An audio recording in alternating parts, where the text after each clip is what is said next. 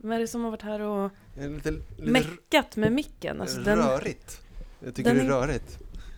Nej. ja. Ja. Mm.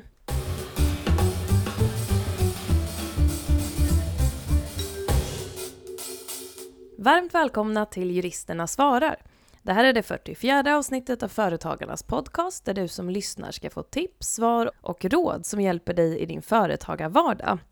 Vad är en stridsåtgärd? Vad är de vanligaste anledningarna till strejk? Och vad måste en stridsåtgärd föregås av? Det ska vi prata om i dagens avsnitt. Jag heter Oksana Jakimenko Och jag heter Hampus Löfstedt. och vi arbetar på Företagarnas juridiska rådgivning. Välkommen till podden! Välkomna!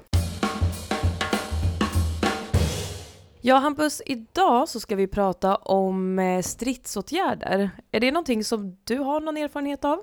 Ja, vi pratar ju då alltså här om stridsåtgärder i arbetsrättsligt sammanhang och eh, strejk som de flesta har hört talas om. Det, det har jag väl varit med om, men inte som arbetstagare eller som arbetsgivare, eh, utan som kund. Mhm. Eh, jag satt här i, i somras då strandad ett tag eftersom Italiens transportsektor gick ut i strejk, vilket jag senare har förstått är ganska vanligt i Mm. juli.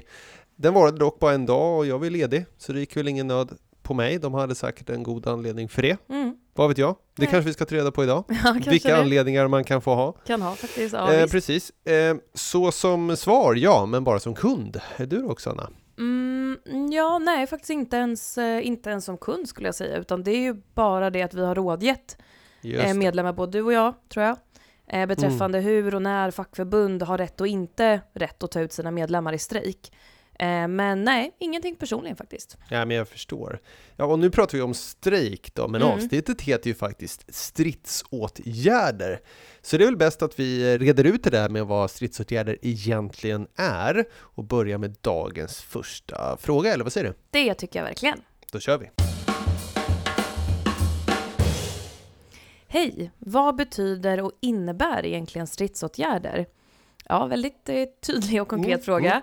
Eh, då ska jag försöka svara Bra som fråga ett. Exakt, Mm. jag tänkte ska försöka också hålla mig till att svara tydligt och konkret. Ehm, ja, man kan väl säga så här att de vanliga stridsåtgärderna som man ja, men oftast hör talas om, det är ju, eh, och de här är också uppradade i, i lagtexten, eh, närmare bestämt då 41 paragrafen i MBL.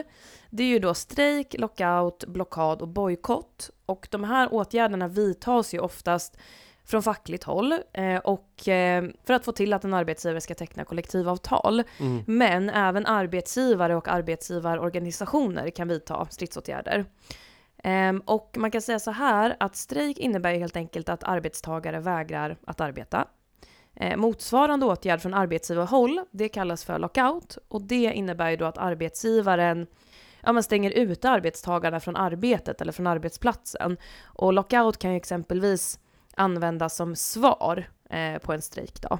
Aha. Eh, och blockad det är en annan typ av stridsåtgärd eh, och det innebär att eh, arbetstagare ja, men vägrar att utföra visst arbete eller vissa arbetsmoment kan man säga. Och det kan exempelvis då röra sig om övertidsblockad och det betyder ju att arbetstagarna vägrar att arbeta övertid. Men så har vi också ett, ett nytt rättsfall från eh, 2022 som heter då AD 2022 nummer 33 som ett exempel på en blockad. Och där hade ju då en facklig organisation för hamnarbetare varslat om blockad mot eh, ett ryskt fartyg då. Och det här föranleddes ju av att Ryssland hade inlett eh, invasionen av Ukraina.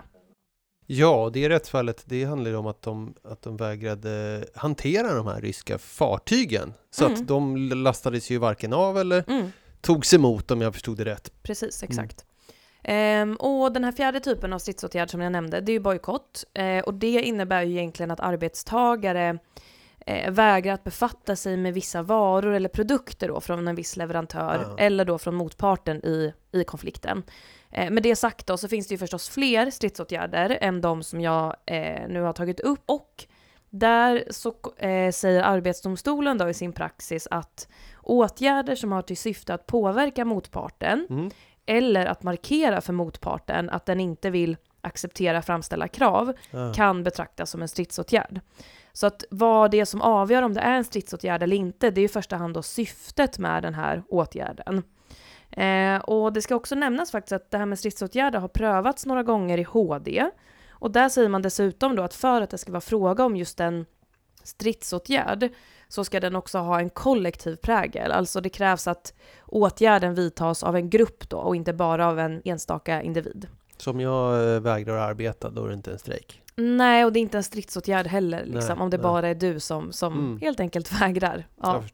Men, men det ska ändå förtydligas att alla de här åtgärderna, det förutsätter ju då att det är de anställdas fackförbund som har tagit beslutet om, om någon utav åtgärderna. Det vill säga att det är, ja, som vi just sa, det är inte den enskilda anställde som kan välja om den vill vidta den ena åtgärden eller den andra. Om du helt en, en dag vägrar jobba så är inte det strejk helt enkelt. Nej, jag förstår, Mm. förstår.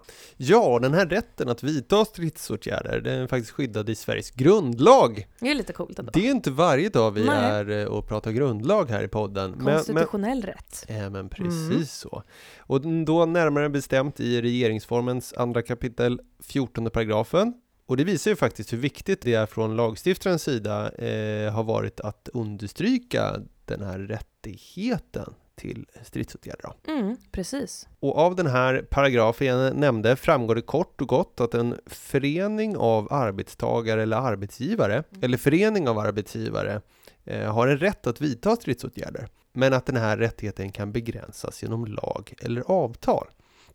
Och här är det framförallt då medbestämmandelagen som du nämnde förut, MBL, Mm. eh, som ställer upp en, en väldig massa situationer där man inte får vidta stridsåtgärder då, eh, som vi kommer gå in på i nästa fråga. Mm. Eh, men också avtal då, då menar man eh, ju kollektivavtal som på samma sätt kan reglera det här med när man får och inte får vidta stridsåtgärder ytterligare då på avtalsvägen eller vad man ska säga. Mm, exakt så. Du sa att den här rättigheten i 214 RF, Mm. den ges alltså till arbetsgivare, föreningar av arbetstagare och föreningar av arbetsgivare. Ja men precis. Så, alltså jag tänker de, i RF andra kapitlet generellt så regleras det ju lite andra typer av rättigheter, liksom, Ja. eller hur? Eh, Helt rätt. Till skillnad från de andra rättigheterna i regeringsformens andra kapitel som framförallt då syftar till förhållandet mellan då stat och den enskilde, eller den allmänna och det allmänna och den enskilde, eh, så syftar den här 2, 214 då eh, till förhållandet mellan enskilda. Och, Ja, eller hur? Det blir väl så? ja, men man- precis. ja. Och då menar jag inte enskilda som enskilda individer, utan ger enskilda föreningar som jag sa då, Mm. eh, antingen arbetstagare, förening av arbetstagare eller förening av arbetsgivare eller separata eh, arbetsgivare, Mm. ett skydd för att vidta stridsåtgärder. Mm. Ehm, en enskild arbetstagare har alltså inte skydd i just regeringsformen för att gå ut i till exempel strejk, utan eh, den här regleringen tar sikte på föreningar som sagt. Och vilka är de här föreningarna då, Oksana? Mm, ja, men det är väl arbetsgivarorganisationer Ja, och arbetstagarorganisationer, och så brukar kallas för. arbetsmarknadens parter, Yes. yes, Och arbetstagarorganisation brukar kallas för. ja, fackförbund, Ja, yes, bra, Ja. då har vi rätt ut det. yes, då har vi rätt ut det. Så det är faktiskt så att arbetstagare, de som faktiskt är ute och strejkar om vi pratar om den, den stridsåtgärden eller som du var inne på blockerar att ta emot ryska fartyg eh, har inte en grundlagsskyddad rätt för, eller stridsrätt som man kallar det Mm. för. Det är lite intressant, men jag, jag Mm. tror att vi, vi kommer nog reda ut den här konstiga, den här konstigheten lite längre fram i Ja. avsnittet. Det kommer vi gå in på lite närmare här under avsnittet. Eh, Ja. Så jag tycker nästan att vi avslutar första frågan här Mm. med stridsåtgärder i bred bemärkelse Mm, eh, och gå vidare till nästa fråga. det gör vi. Hej podden! Vi jobbar inom byggbranschen och har kollektivavtal sedan många år tillbaka. Ibland händer det att vi inte alltid är ense med facket om hur vissa saker ska vara och då har tanken slagit mig att det tagit väldigt hårt på mitt bolag om facket skulle kräva att våra duktiga anställda skulle börja strejka eller liknande. Även om det bara håller på i någon dag. När får facket egentligen kräva att anställda ska strejka? Ja, Ja, säger du om det? Ja, alltså vi pratade om det här innan. Utgångspunkten är på något sätt att det föreligger en stridsrätt för föreningar av arbetstagare, alltså Mm, facken. Grundlagsskyddad rätt. mm, Men den här rättigheten kunde ju också inskränkas genom då framförallt medbestämmandelagen och genom eh, kollektivavtal eh, kan faktiskt också inskränkas genom den gamla lagen eh, från 1936 som skydd mot vräkning vid arbetstvister. Men, och då för offentlig sektor så finns ju också bestämmelser som inskränker i LOA, alltså LOA. Men här fokuserar vi då på inskränkningarna i medbestämmandelagen. Vi säger MBL nu framöver va? Ja, det tycker jag. Det är väl enklast. Framförallt av praktiska skäl och för att ingen utav oss har en fullfinansierad doktorandtjänst att göra en komparativ studie mellan alla kollektivavtalsregleringar av fredsplikt. Jajamän, och så här är det ju att i MBL eh, så finns det i paragraf 41 till 45 den så kallade fredsplikten. Och om vi börjar då i 41 paragrafen eh, så innebär den här fredsplikten att enskilda arbetsgivare och arbetstagare Mhm. som då är bundna av kollektivavtal under vissa förutsättningar då inte får vidta stridsåtgärder. Och de här eh, förutsättningarna, eller vad ska kalla det för, är, är ganska långtgående. För att det är nämligen så att stridsåtgärder får inte vidtas om arbetsgivarorganisationen eller facket i fråga då har tagit beslutet om stridsåtgärder på obehörig ordning, om den tilltänkta stridsåtgärden bryter mot någon bestämmelse i eh, gällande då fredsplikt i kollektivavtalet i fråga, eller om den tilltänkta stridsåtgärden har till ändamål att uppnå eh, vissa syften kan man säga. Mm. Ehm, så att, och om en arbetsgivare eller arbetstagare vidtar en stridsåtgärd som då bryter mot den här fredsplikten, då betraktas det och kallas för olovlig stridsåtgärd helt enkelt. Ja, och här har vi då alltså tagit avstamp i 41 som du sa Mm. och eh, det gäller ju då arbetstagare och arbetsgivare som eh, är bundna av kollektivavtal. Men jag tänker så här att om jag ger dig några exempel på situationer som betraktas som olovliga stridsåtgärder Mm. så kan du kort förklara varför de är olovliga. Mm. Vi kör, Mm. vi kör. Okej, om jag som arbetstagare eller, eller arbetsgivare vill vidta en stridsåtgärd, säg då strejk eller blockad eller lockout då, eller så, eh, i syfte att utöva påtryckning i en tvist om ett kollektivavtals giltighet eller rätta innebörd. Är det otillåtet eller inte? Det är ju otillåtet. Jaha. Och varför är det? Jo, för att man ska inte använda eh, stridsåtgärder för att driva igenom ens egna uppfattning i en viss fråga, utan en Mm. rättstvist ska ju avgöras genom en domstolsprövning och inte genom uppror eller stridsåtgärder. Liksom. Nej, Så det är olovlig stridsåtgärd. Olovlig stridsåtgärd? Mm. Ja, okej. Eh, men om man vill eh, som arbetstagare eller som arbetsgivare istället att vidta eller delta i en strejk, blockad eller säg bojkott Mm. i syfte att eh, genomföra en bestämmelse som ska börja tillämpas först efter kollektivavtalet har upphört. Lite klur, alltså Mm.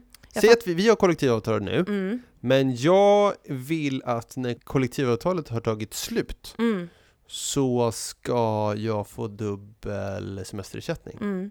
Eh, nej, det får du inte heller göra. Nej. Eh, Mm. och det är ju egentligen för att man får inte mm, vidta stridsåtgärder för en kommande kollektivavtalsperiod Ja. förrän det gamla kollektivet har löpt ut. Mm. Så det är också otillåtet, tyvärr. Okej, det här då, men vidta stridsåtgärder för att stödja någon annan som vidtar stridsåtgärder. Ja, alltså det här brukar ju kallas för eh, sympatiåtgärder, Mm. det du precis sa. Mm. Och om det är så att man vill stödja någon annan som vidtar stridsåtgärder med sina sympatiåtgärder, men den som började med att vidta stridsåtgärder har gjort det olovligen, Mm. då blir mina egna sympatiåtgärder också olovliga. Däremot så är det så att om man vill stödja eh, någon som vidtar lovliga stridsåtgärder, Mm. då blir ens egna sympatiåtgärder som regel i alla fall Mm. också tillåtna och lovliga. Då. Eh, men, men, och det kan man också säga att, eh, på tal om liksom lovliga och olovliga stridsåtgärder, bara att en olovlig stridsåtgärd som bara kan vidtas, men ja, som då inte får vidtas eh, från arbetsgivarhåll, det är ju att en arbetsgivare aldrig får eh, hålla inne lön eller någon annan ersättning då för arbete som redan är utfört och som har förfallit till betalning då med anledning av att den här arbetstagaren som ska få lönen exempelvis deltar i en strejk eller i någon annan stridsåtgärd. Har du eh, gått vidare från 41 här eller? Ja, jag gjorde Ja, det nu. ja, nu nu gick bra. jag vidare här i MBL. Vi har ju Precis. några paragrafer Mm. att jobba oss igenom va? Jag tror man brukar kalla dem där för punktinskränkningar eller någonting, de här Precis. syftena som vi drog igenom. Och, eh, men som sagt, det finns inskränkningar i, i resten till, till fram till 45 också. Mm, exakt, men jag, jag tänker att så här, nu har vi ju faktiskt pratat Mm. om vad arbetsgivare och arbetstagare får och inte får vidta för stridsåtgärder. Men kan du förklara liksom hur kommer facken och arbetsgivarorganisationerna in i den här ekvationen? För det är ju ändå de som är parter i kollektivavtal. Ja, för det första nu så pratar du ju nu om inskränkningar i krigsrätten eller annorlunda uttryckt fredsplikten då eh, för arbetstagare och arbetsgivare som är anslutna till kollektivavtal. Så redan där så, så pratar vi ju om eh, saker som berör då fack och arbetsgivarorganisationer. Mm. Men sen så är det också så att eh, du nämnde ju en sak där att, att det är en olovlig stridsåtgärd för arbetstagare och arbetsgivare om deras respektive organisationer så att säga inte har tagit ett beslut om den här stridsåtgärden i en behörig ordning. Mm. Och om vi ska prata om rakt upp och ner va, så står det ju i MBL 42, 42 paragrafen att arbetstagarorganisation och arbetsgivarorganisationer inte får anordna, föranleda, ge understöd eller på annat sätt medverka till en olovlig stridsåtgärd. Och eh, olovliga stridsåtgärder, det är ju det som har då gåtts igenom i eh, 41 paragrafen och, och eh, påföljande paragrafer som då gällde arbetstagare och arbetsgivare framförallt. Mm. Ja, vi kanske kan understryka det att de här exempelsituationerna som vi tog, det är ju Mm. bara en, en handfull så att säga, utan det finns ju dels många fler i MBL, Mm. eh, exempel då på när stridsåtgärder är olovliga, men det brukar ju också finnas ännu mer långtgående skyldigheter, eller liksom inskränkningar kan man säga, i kollektivavtal angående vilka stridsåtgärder som är olovliga. Så att det finns ju en hel del, inte bara de vi, vi tog upp nu. Ja men precis så. Och, och liksom med allt det här sagt då, om vi ska återkoppla till, till lyssnarfrågan här. Mm. När får facket egentligen kräva att anställda ska strejka eller vidta stridsåtgärder? När det finns kollektivavtal? Svaret på det är väldigt sällan. Mm. För att som vi har gått igenom nu eh, så finns det väldigt många situationer som eh, innebär fredsplikt för fackförbundet när det finns ett gällande kollektivavtal. Men det är också så som du sa att det finns regleringar av fredsplikt i kollektivavtalen och Mm. därför, vet du vad? Så brukar man kalla kollektivavtal för just fredsdokument. Fint, Verkligen! ändå. Ja men fint, då går vi vidare till nästa fråga. tänker jag. Jajamän! Mm. Hej! Tack för en bra podd. Tack rackar. Tack själv. Mm. Jag är faktiskt inte själv företagare men har många vänner som driver bolag och de pratar ibland om att facket hotar med att ta ut deras arbetstagare i strejk eller liknande om de inte tecknar kollektivavtal. Men om jag har förstått det rätt är det ju inget krav på att ha kollektivavtal här i Sverige. Mm. Så jag undrar om och när facket faktiskt får ta till stridsåtgärder mot arbetsgivare utan kollektivavtal.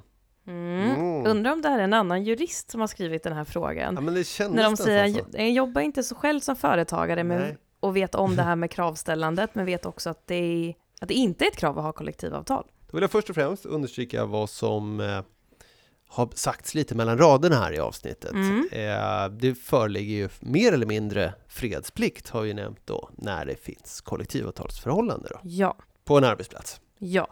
Men om vi vänder på steken och säger så här, jaha, eh, nu har vi berättat om att det är då så får man inte vidta stridsåtgärder. När vidtas stridsåtgärder ofta då? Jo, det är ju vid situationer som eh, syftar till att faktiskt få till ett kollektivavtal, eller hur? Mm, precis, det är väl de allra vanligaste liksom, situationerna när, som du sa, när stridsåtgärder vidtas, när det blir aktuellt. Ja, men precis. Mm. Men och betyder det att det då alltid är lovligt att vidta en stridsåtgärd för att få till ett kollektivavtal, när det då inte redan finns ett? Nej, inte nödvändigtvis faktiskt. Det är faktiskt en olovlig stridsåtgärd för arbetstagare och eh, då arbetstagarorganisationer också då, att delta i stridsåtgärder som har till syfte att kollektivavtal ska träffas med företag. Antingen eh, företag som eh, antingen inte har några anställda är det bara är företagaren själv eller företagaren och dennes familj som är anställda. Mm, okej. Ehm, och den här frågan får vi ganska ofta i rådgivningen Mm. så den är värd att understryka.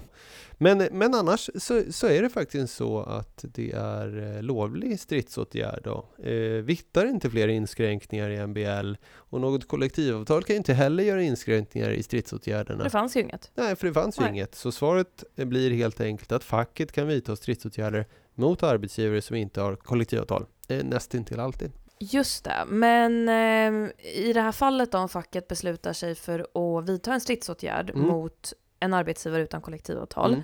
eh, en strejk exempelvis, vilka är det som omfattas av, av den strejken? Ja, alltså rent teoretiskt så kan ju alla arbetstagare gå ut i strejk. Det är ju bara att inte arbeta, höll jag på att säga. Men det är ett fackförbund som har utlyst strejken. Det kan ju bara ta ett beslut att sina egna medlemmar ska gå ut i strejken.